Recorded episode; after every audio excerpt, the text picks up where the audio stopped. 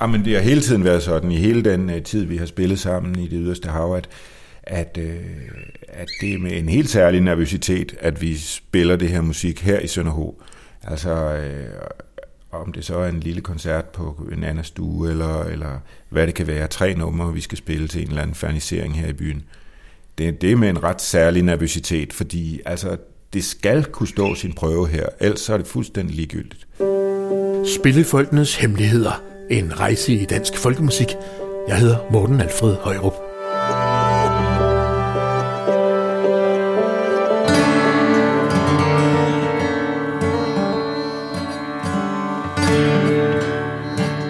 Hvor finder vores dages spillefolk deres repertoire af gamle traditionelle dansemelodier? Hvad spillede vikingerne for tusind år siden, og hvad spiller de nu? Hvor våget var de gamle frække sange egentlig, og kan de stadig få os til at rødme? Og hvordan skriver man ny musik til de gode gamle folkedanse?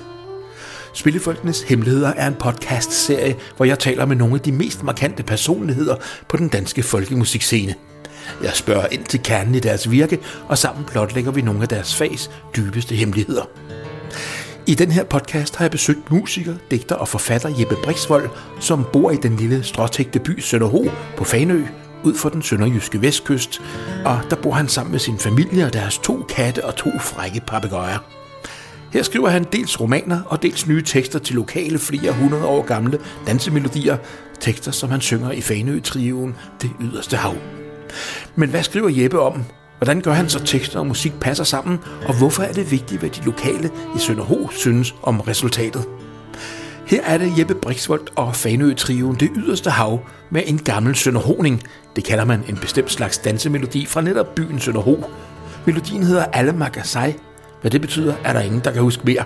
Men teksten, den er ny, og den er skrevet af Jeppe Brixvold.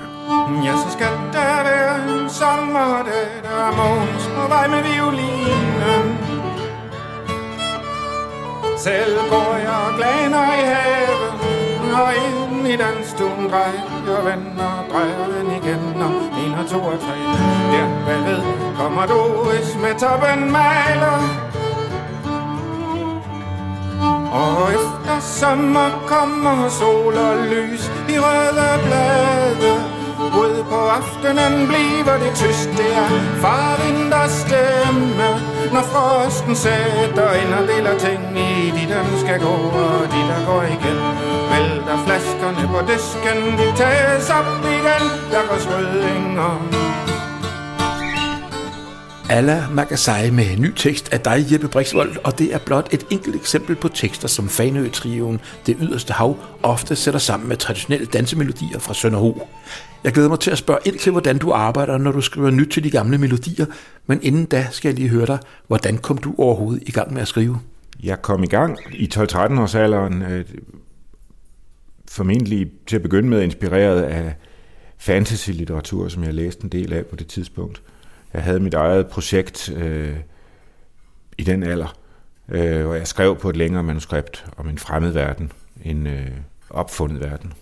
Med landkort på væggene og, og store øh, lister med personer, mulige navne på personer, forskellige folkeslag og civilisationer i den her verden. Jeg nåede at skrive omkring 100 sider på det.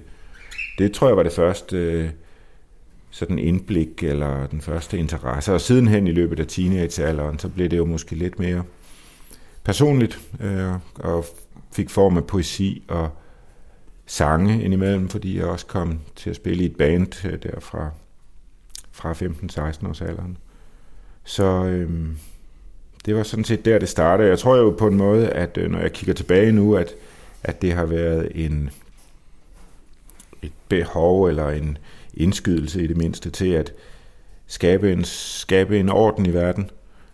Det, lyder, altså det kan godt lyde lidt øh, tørt måske, men, men, men jeg tror faktisk, at behovet for orden er ret vigtigt, når man beskæftiger sig med sprog og tekst. Hvad er så dit forhold til den traditionelle dansemusik fra Fanø? Ja, det er en, den er jo simpelthen, at, øh, at jeg med min familie flyttede til øh, Sønderho for, for øh, snart 16 år siden, og øh, snart kom i gang med at i første omgang faktisk lytte til Sønderho-musikken, fordi øh, Jeg købte et kassettebånd med Fritz og Søren Lassen Brink på øh, Faneø Kunstmuseum. Og det gjorde jeg faktisk en af de første dage, vi var her. Og øh, så kom vi i gang med at sidde og lytte. Der havde man stadigvæk en kassettebåndoptager stående i stuen. Så, øh, så kom vi i gang med Og så grov hørte vi det der bånd i månedsvis, kan jeg huske. Øh, og var, var meget glad for det. Øh, sådan set alle sammen, både min kone og jeg og vores lille barn. Øh, så hvis vi kunne vurdere hendes reaktioner, så var hun også glad for det. Hun var et halvt år. Ja, der kom vi i gang med at lytte til det. Senere øh, stødte jeg jo på øh, CD'er med Ulk, altså Peter Urbrand og Sonic Lyttom og Seamus Cahills band.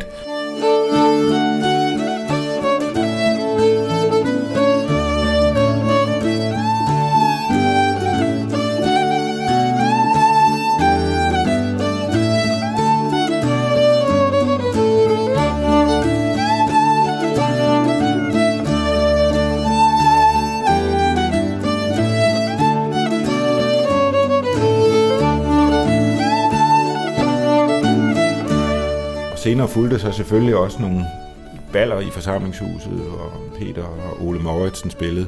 Så den der sådan, at bare det, vi kom hertil i øh, 1. 1. august, ikke? det var sådan, jeg kan huske, vi, var, vi missede lige den første Sønderho-dag, og, øh, men kom så i august, hvor der stadigvæk var forskellige, øh, der var lidt spil om aftenen på, på Café Nanas stue, og et par koncerter der. Og, så, så selve det at pludselig blive udsat for den her ganske specielle type dansk øh, traditionsmusik.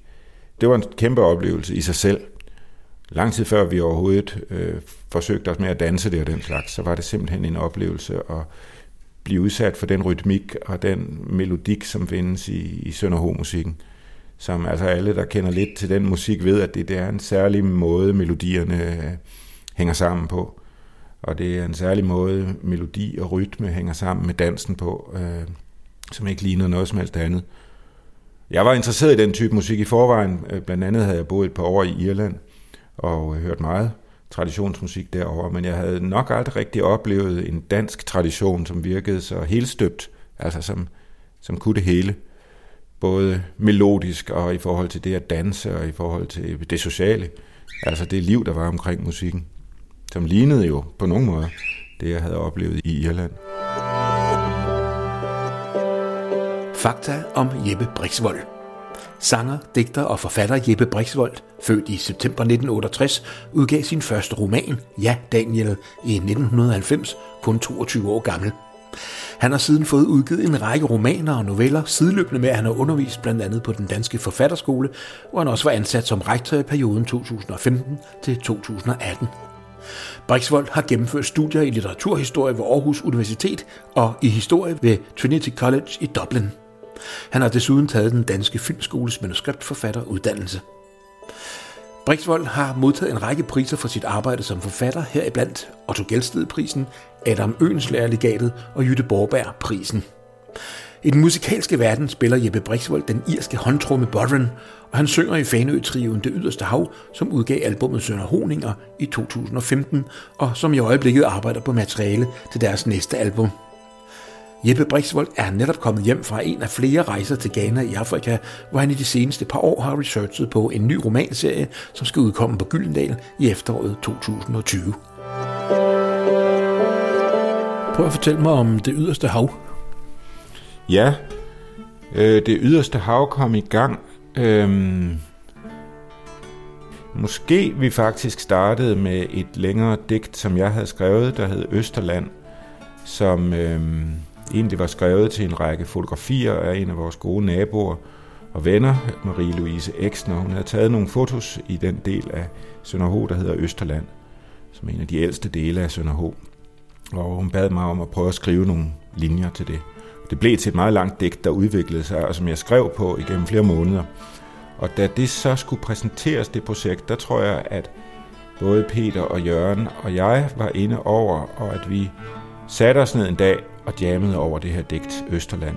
Og der skete det, at så snart jeg begyndte at læse det op, vi havde ikke nogen aftaler af nogen art, så begyndte de at spille styk, altså en klassisk Sønder Honing øhm, dansemelodi. De begyndte at spille den hen over det her digt, Og det viste sig ret hurtigt, at det hang sammen nogle steder. Så fandt vi selvfølgelig ud af at, at raffinere det lidt og finde ud af præcis, hvor de forskellige stykker skulle ligge i forhold til hinanden. Men det var en ret umiddelbar oplevelse af, at de to ting gik godt i spænd sammen, uden forudgående aftaler. Den gamle læser Züricher Børszeitung. Hans stemme tør af afgangsdatoer. I sin mumlen diskuterer han sejltider med sig selv. Han er sindig og neutral. Selv når skibet så og så mange ton, har hans egen bror som kaptajn. De andre holder ved os. P. Thomsens Ane, derefter alle Magasej, violin, musik i Østerland, i haven foran nummer 14. Nu hænger en gynge fra det eneste store træ. Roser selvfølgelig er der i Østerland, og en gulkalket mur. De liv, der forsvandt, følger med, uundgåeligt. Også kærligheden svæver et sted her. Om natten går et rådyr derind, ses under æbletræet, løber så, før vejen drejer. Månen er oppe, busken lyser med sine blomster. Peter Waterhouse siger, at et landskab er paradis. Det er paradis, siger han. Landskabet er paradis. Hvad er et landskab? Det er paradis.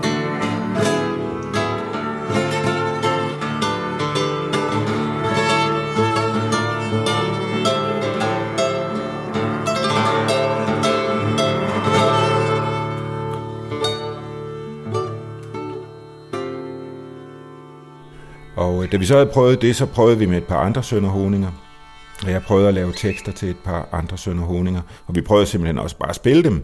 Fordi den sammensætning, vi har i det yderste hav med, med guitar, øh, akustisk guitar eller western guitar, og øh, endda også en øh, barok guitar på et tidspunkt, som Jørgen bruger.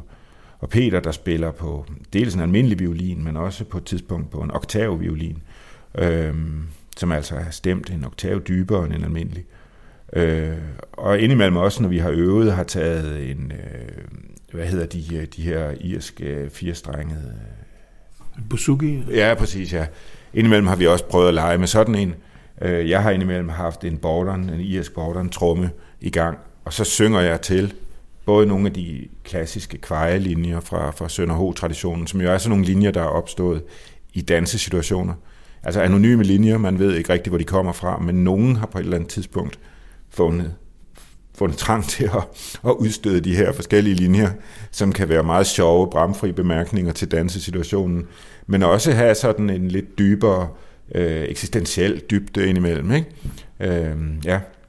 De der kvejelinjer, de er sjove, og nogle er rigtig gode til at, at synge dem. Altså Kræ Thysen her fra Sønderho er, for dem, der har oplevet et bal her, vil flere have hørt kreatysen indimellem fyre en kvarelinje. Det, det, det kan lyde helt fantastisk. Og det prøver vi jo også at integrere i, i, øh, i det yderste hav. Og så laver jeg jo nogle tekster til også, som så indgår i musikken på en anden måde.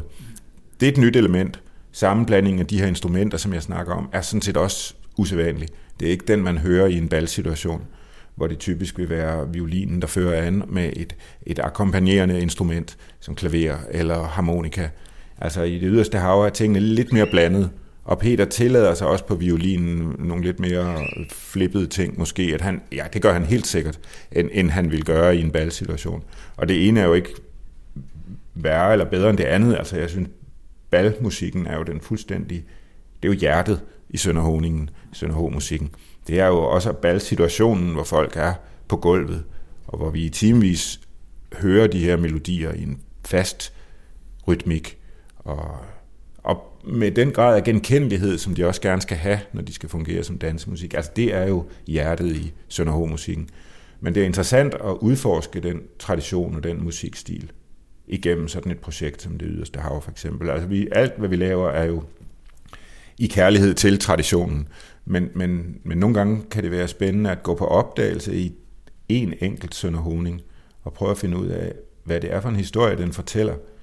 Fordi så mange andre, der bor her i byen, har jeg i hvert fald, jeg har i hvert fald haft den oplevelse nogle gange, at, at pludselig få de her Sønderhoninger i hovedet, alene ved at bevæge mig rundt i geografien her omkring Sønderho. Altså, det at gå i havside bjerge, eller bjergsleje, eller gå ned langs, øh, langs, langs børsen ud af Hønevejen mod Hønen. Eller, der, der er sådan nogle områder her på stedet, som lader til på en mærkværdig måde at svare godt til nogle af de her melodier. Det er min oplevelse af det i hvert fald.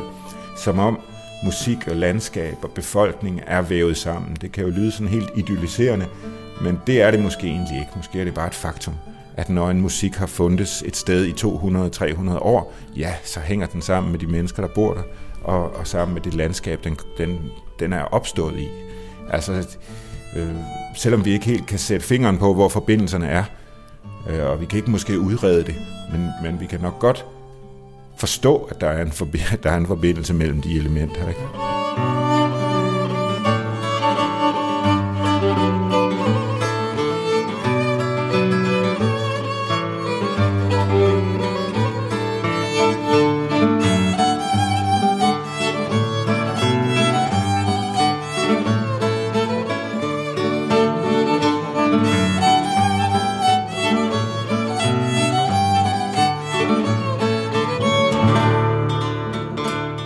Hvordan tænker du i forhold til at skrive nye tekster til sådan noget gammel musik der?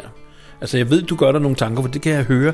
Altså for eksempel så har jeg gennemgået dine tekster på den plade, som I har lavet, for lige at undersøge. Altså, og det er meget, altså der er nogle bestemte ord, som ikke er de tekster. Det er meget sjældent, man hører ord som mobiltelefon eller Facebook eller noget andet. Så du gør der nogle tanker, kan jeg regne ud. Hvordan tænker du med at skrive de ting? Ja, altså jeg tror godt, mobiltelefon kunne optræde. Der er jo en kaffemaskine et sted i hvert fald, øh, kommer jeg lige på. Øhm, og en, en ny BMW øh, bliver også nævnt et sted og sådan noget, ikke? Men, men det er ord, som skal have en eller anden form for...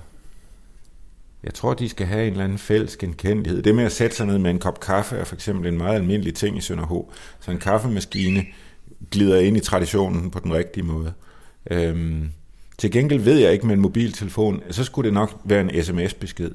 En sms-besked kunne sagtens forekomme her i Sønderho, men det der med, ja, der er der også folk, der tager til mobiltelefonen og ringer til hinanden, men det er typisk, vi ses der kl. 12, ikke? Altså, eller hvem kan passe børn i morgen? Eller øh, skal nogen være med på at spille badminton øh, torsdag aften? Eller hvad det nu kan være. Det er typisk sådan den type kommunikation, som ikke er, er ligesom direkte mundtlig. Eller sådan, og, og typisk så, så en helt almindelig kommunikationsform er jo at møde hinanden nede i brusen under indkøbet, og så står folk og snakker lidt dernede, og så bliver aftalerne truffet. Og hvad der ligger derudover, det tror jeg tit er sms'er og sådan noget. Så hvis jeg skulle have noget mobiltelefoni med i en tekst, så tror jeg, det ville være sms'er.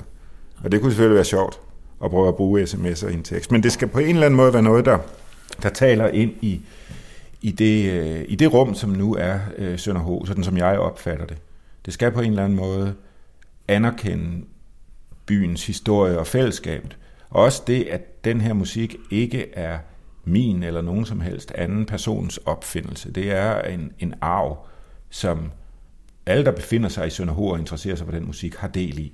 Det er jo også noget, musikerne vil sige. Det vil Peter og Ole også sige om de her baller, de spiller. At det ville være fuldstændig muligt for dem at udføre det her, uden folk, der rent faktisk tog en aktiv interesse i musikken og dansede.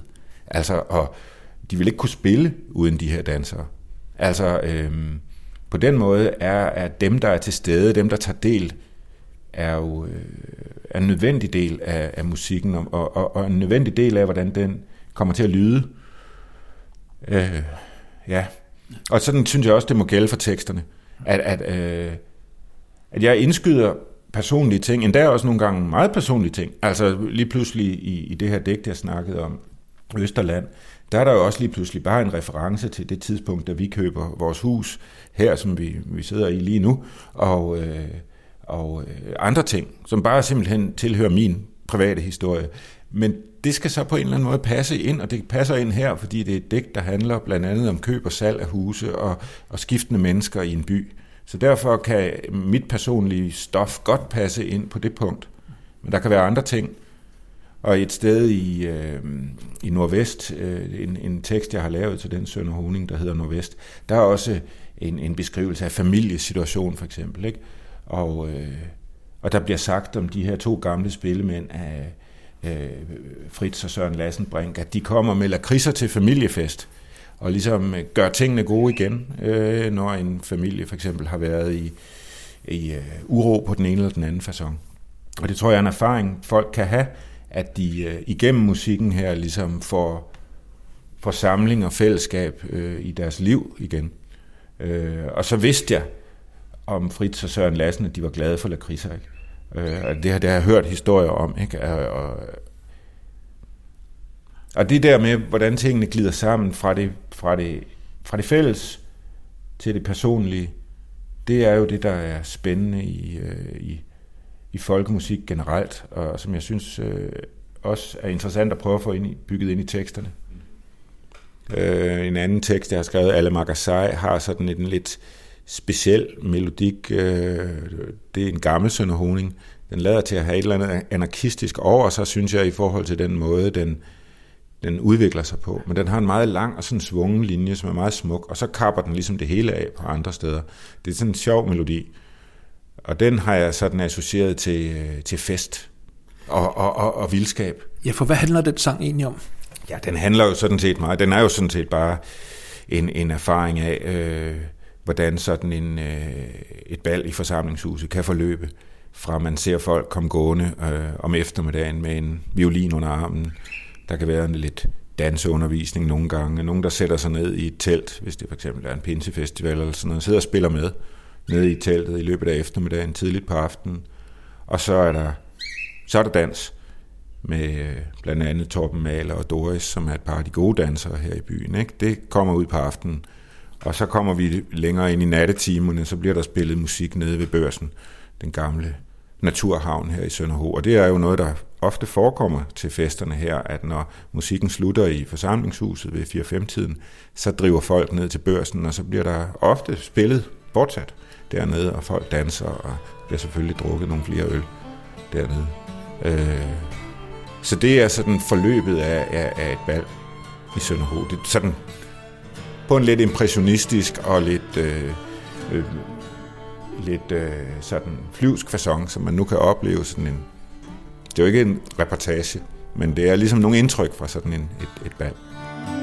Hej filet, oh, hej filet, om natten spiller de på børsen. Ja, hej filet, om natten spiller de på børsen. Og månen går med sin hat i snor, den er på vej, men går rundt igen, og så går den ned den gode morgen. Og efter sommer kommer sol og lys i røde blade. På aftenen bliver det tyst, det er faren, der stemme. Når frosten sætter ind og smider ting op i de, der nu skal gå, og de, der går igen. Vælter flaskerne på disken, de tages op igen, der går rødinger Hvis vi lige går tilbage til det yderste hav, mm. som din trio hedder, som, som, som starter op og, må, og vil også gøre noget nyt, når man tager de her gamle melodier og pludselig vil sætte tekster til. Hvordan foregik det, da I skulle øh, præsentere det for de lokale her? Den første gang, vi rigtigt øh, mærkede det, var da vi blev inviteret til at spille øh, nede i forsamlingshuset. Det var bare et halvt års tid efter, vi havde fundet på at lave den her trio. Der skulle vi præsentere det, spille en lille koncert på en 40 minutter eller sådan noget. Og vi var faktisk ret nervøse for, hvordan folk ville tage imod det her. Øhm, det var vi lidt spændte på. Og det viste sig simpelthen, at, at folk var rigtig glade for det. Øh, det I hvert fald så virkede det, det godt for folk. Ikke? Altså, der, der, var, der, var, der var mange, der, der, der roste det og var glade for det, og mange, der var ret rørte over det faktisk. Og det, var, det sidste var næsten det bedste, at det overhovedet kunne gå ind og, og, og røre ved folk. Men var det vigtigt for jer, hvordan folk reagerede på det her i det lokale samfund? Ja, ja. Ja, ja. Jamen, det har hele tiden været sådan, i hele den uh, tid, vi har spillet sammen i det yderste hav, at, at, øh, at det er med en helt særlig nervøsitet, at vi spiller det her musik her i Sønderho. Altså, øh, om det så er en lille koncert på en anden stue, eller, eller hvad det kan være, tre numre, vi skal spille til en eller anden fernisering her i byen. Det, det er med en ret særlig nervøsitet, fordi altså, det skal kunne stå sin prøve her, ellers så er det fuldstændig ligegyldigt. Altså af en eller anden årsag, så skal det simpelthen kunne fungere her. Hvorfor det? Kunne I ikke være ligeglade? Altså hvis folk elsker det over hele verden, og, og synes, det er dødssygt i Sønderho, er det ikke lige meget? Nej, nej, det, det vil ikke være lige meget, fordi øh, det, det er jo ikke et spørgsmål om bare at lave en, øh, en ny variant af Sønderhoninger. Altså, det der jo virkelig er interessant for os, er ikke videreudvikling af Sønderhoninger. Det er ikke det. Det er et spørgsmål om fordybelse i Sønderhoninger. Det er et spørgsmål om at, at komme tættere på kernen og hjertet i den her musik. Og, dermed forstå et eller andet om, om historien, om, øh, om andre menneskers liv, om øh, andre betingelser, at lære noget på den måde gennem mødet med, med, med en, en anden verdenserfaring, end den vi lige umiddelbart går rundt i nu. Det er det, der virkelig er den store fornøjelse, og, og, og, og det, der også er krævende i at beskæftige sig med det her, det er, det er følelsen af at nå i dybden med noget, der både er fremmed, og samtidig viser sig at ramme en meget direkte. Øhm, det er virkelig den store, og det, det og, og, og, og, prøven på, om det lykkes, det er jo simpelthen, om de folk, der kender de her melodier til bevidstløshed, til udløshed, har hørt dem hele deres liv, om de faktisk synes, at de bliver fortalt et eller andet, når vi spiller, når vi spiller de her versioner. Fordi det er jo der, man kan se, om man ligesom kommer i nærheden af et eller andet indhold. Det lyder næsten som en kærlighedserklæring. Jo, jo, for fanden. Altså, det, det, det kunne slet ikke lade sig gøre, hvis vi ikke øh, alle tre, øh, om, vi, om vi så selv er involveret eller ej, om vi, hvis vi ikke alle tre stod der hver fucking eneste gang, der bliver spillet Sønder Honinger nede i det forsamlingshus. Altså, og, og, og at vi alle tre elsker at, at tale med folk om den her musik, og diskutere den, og de forskellige varianter, der nu findes, og gamle optagelser og dit og dat. Hvis vi ikke havde den der fornøjelse, og det er en fornøjelse, som dybest set kommer af en kærlighed til stedet her, øhm, og til den måde, man lever på her.